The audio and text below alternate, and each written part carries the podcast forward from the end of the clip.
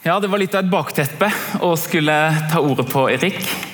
Um, og jeg um, tror kanskje at det jeg har forberedt for oss i dag, kan uh, gi lys. For dåpens lys forblir når livet slukner, sier vi i en dåpssalme. Jeg tenkte på det i dag når jeg så alle barna her, at jeg har faktisk vært fadder her i Oslo misjonskirke Bentelem For Johannes, som løp rundt foran her. Og for Jostein, som nå er ti år. To ganger. Og da lovte jeg dere offentlig her å be for dem. Og det har jeg prøvd å gjøre regelmessig. Jeg prøver å be om at de skal få den sanne troen på Jesus Kristus. At de skal lære å elske Gud fordi de kjenner Guds kjærlighet. Så la oss be for barna. La oss ta fadderoppgavene våre seriøst.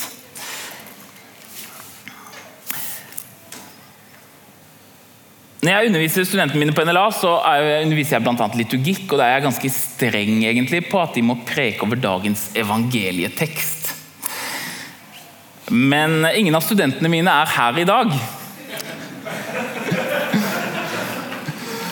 um, så vi skal bruke en litt annen tekst for å belyse temaet for den tredje søndagen i fastetiden.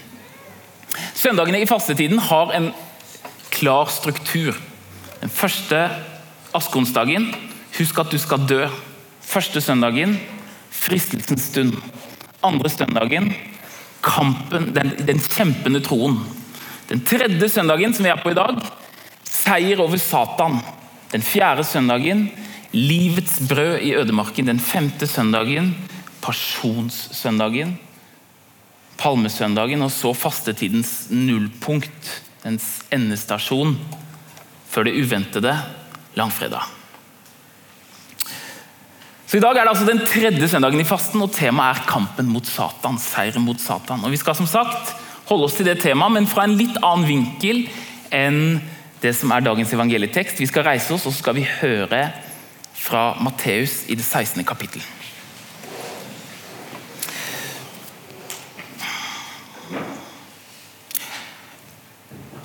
Da Jesus kom til distriktet rundt Cesarea Filippi, spurte han disiplene sine. Hvem sier folk at menneskesønnen er? De svarte. Noen sier døperen Johannes, andre Elia, og andre igjen Jeremia eller en annen av profetene. Og dere, spurte han, hvem sier dere at jeg er? Da svarte Simon Peter, du er Messias, den levende Guds sønn. Jesus tok til orde og sa, salig er du Simons sønn av Jonah, for dette har ikke kjøtt og blod åpenbart deg, men min far i himmelen. Fra da begynte Jesus Kristus å gjøre det klart for disiplene sine at han måtte dra til Jerusalem, og at de eldste overprestene og de skriftlærde skulle la ham lide mye. Han skulle bli slått i hjel, og den tredje dagen skulle han reises opp. Da tok Peter ham til side og ga seg til å irettesette ham. Gud fri deg, Herre, dette må ikke hende deg. Men Jesus snudde seg og sa til Peter, Vik bak meg, Satan. Du vil føre meg til fall, du har ikke tanke for det som Gud vil, bare for det som menneskene vil. Slik lyder det hellige evangeliet. Lovet være Jesus Kristus.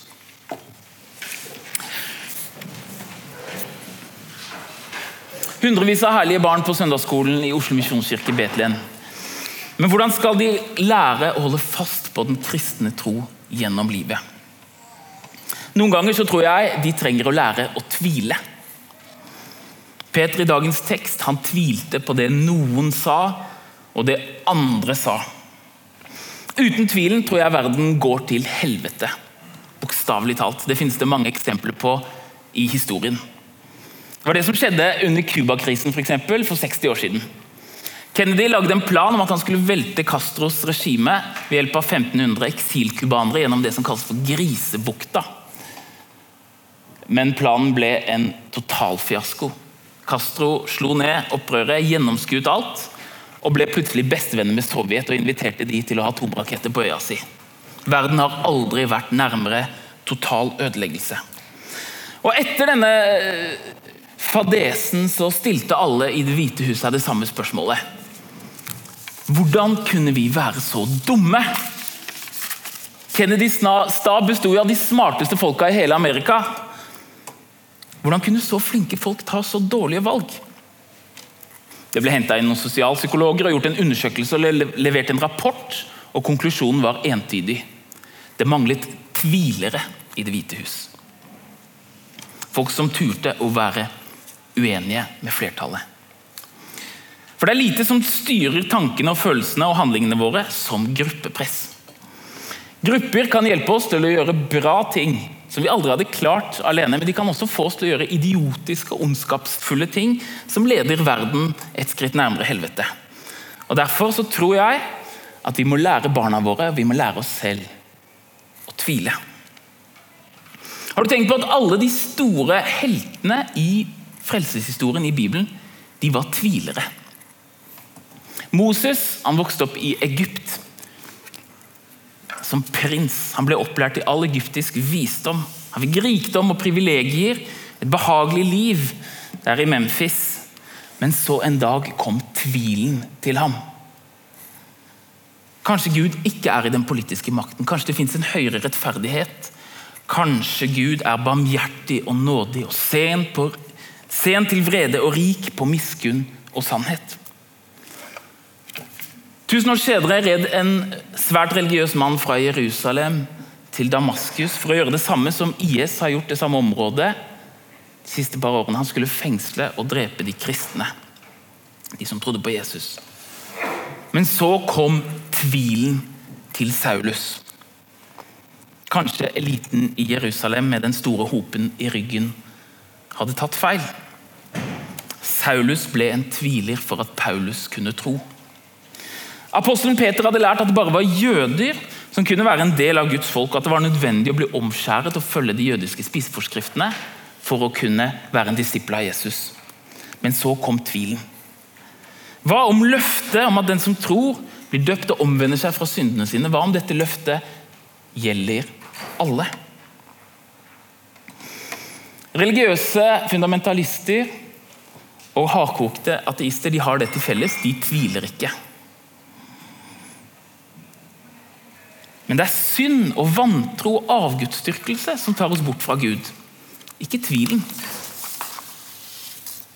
Tvilen derimot kan være en åpning for Gud. Sprekken der den uventede nåden jeg ikke kunne tenkt meg frem til, kan strømme inn. For å leve som disippel av Jesus Kristus i dag, så er jeg overbevist om at vi trenger tvilere mer enn noen gang. Ellers blir barna våre, og vi selv også, lette bytter for hva flertallet forteller om hvilke fortellinger som skal definere våre liv.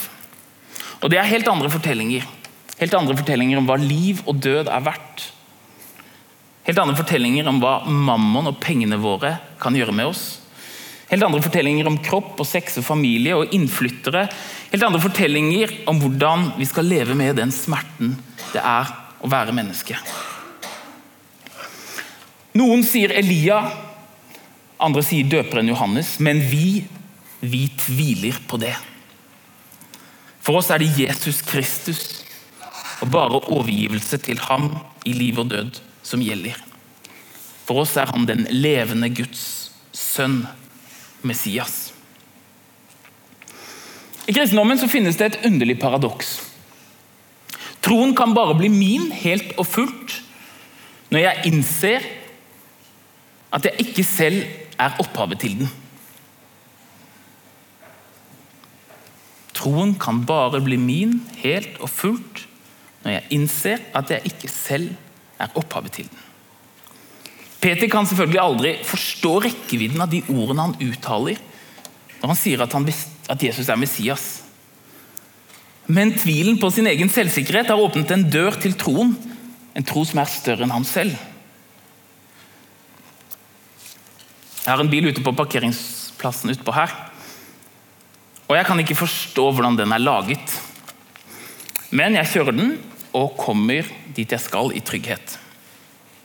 På samme måte kan jeg ikke forstå alle detaljene og alle mekanismene i det store drivverk som er vår felles kristne tro. Men jeg lever i den, og jeg ser alt det gode den gjør i livet. Den fører meg frem dit jeg skal i trygghet. Man kunne jo tenke seg en mann som nektet, hadde kjøpt seg en ny bil, men nektet å sette seg inn i bilen og kjøre den, før selgeren forklarte nøyaktig fra start til slutt hvordan bilen var laget. Alle delene av prosessen. Men det fins ikke noe sånt menneske. Ikke noe menneske kan bygge en bil fra bunn i skogen alene. Og ingen har hele den kristne troen i sin egen tanke. Vi er en del av en lang produksjonskjede, helt fra Abraham gjennom Guds folks historie frem til i dag.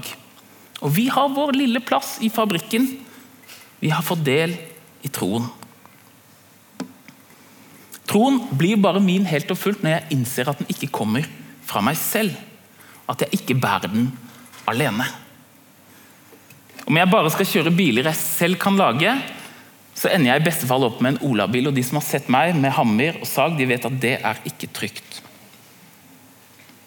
Det komiske med individualismen i vår tid det er at alle tror at de følger sitt eget unike hjerte, mens de samtidig blir likere og likere. Dette er min personlige stil, sier i hvert fall ungdommene. Det sier i hvert fall individualismen. Og så kler alle seg helt likt.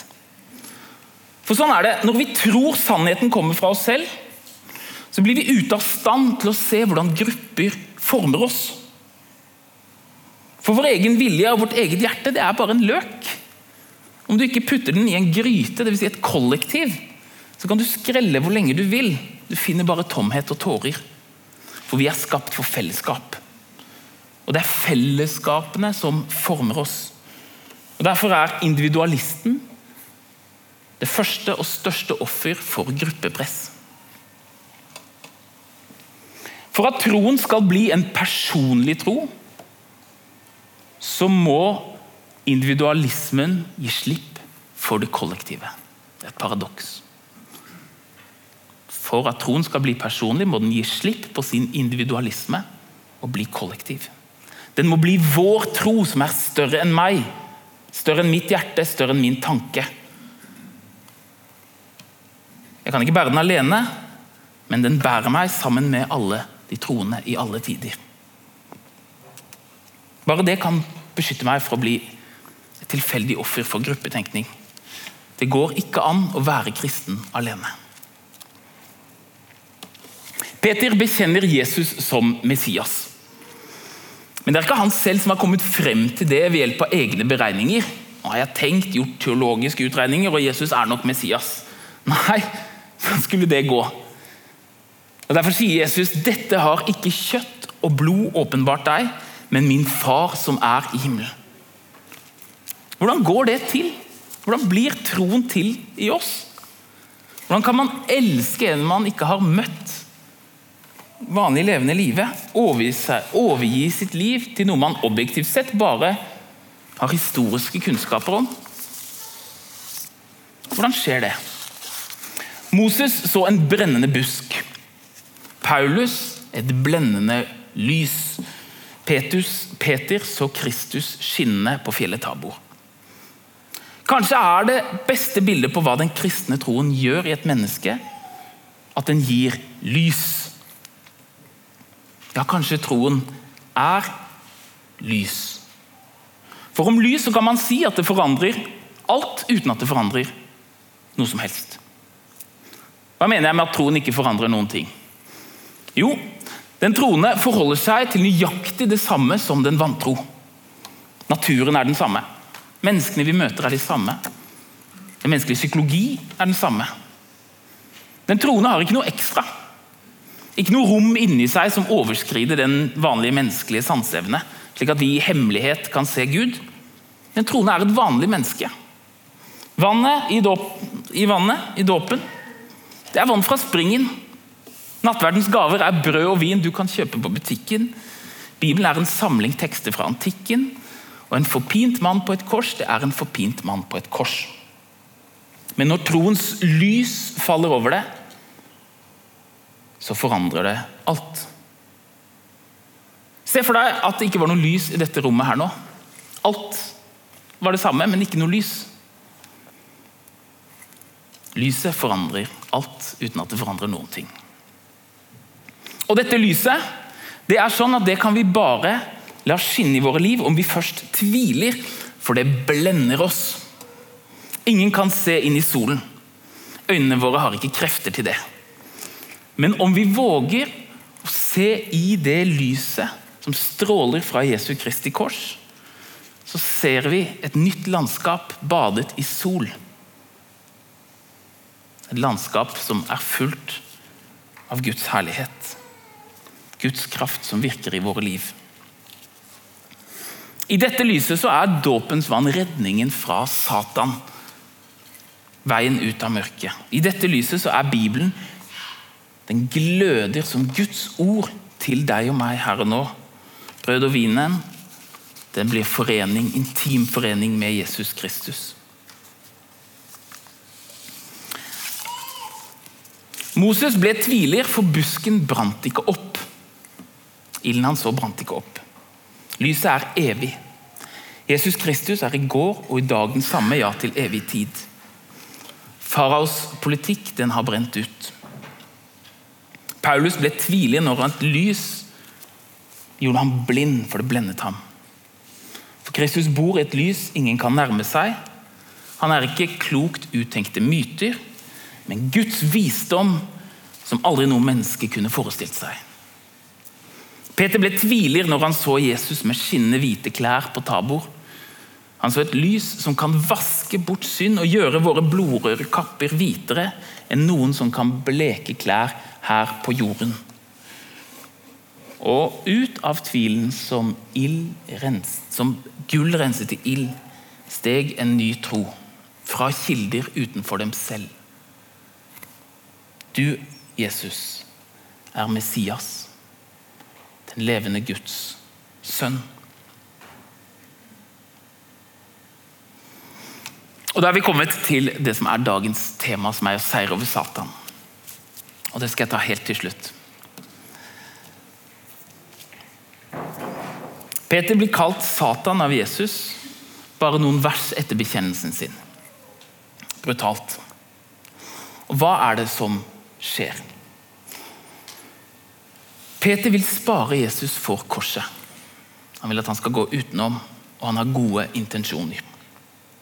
Men det han dermed gjør, er å invitere Jesus til å følge etter Peter i stedet for å følge Faderen i alt. Han vil lage en Messias i sitt eget bilde. Men den som vil forme Gud i sitt eget bilde, risikerer å lukke døren for dette blendende lyset og holde seg med lamper man kan flytte og skru av og på som man vil. Og Når det lyset flakker i hjørnet, da gjelder det å lære seg å tvile.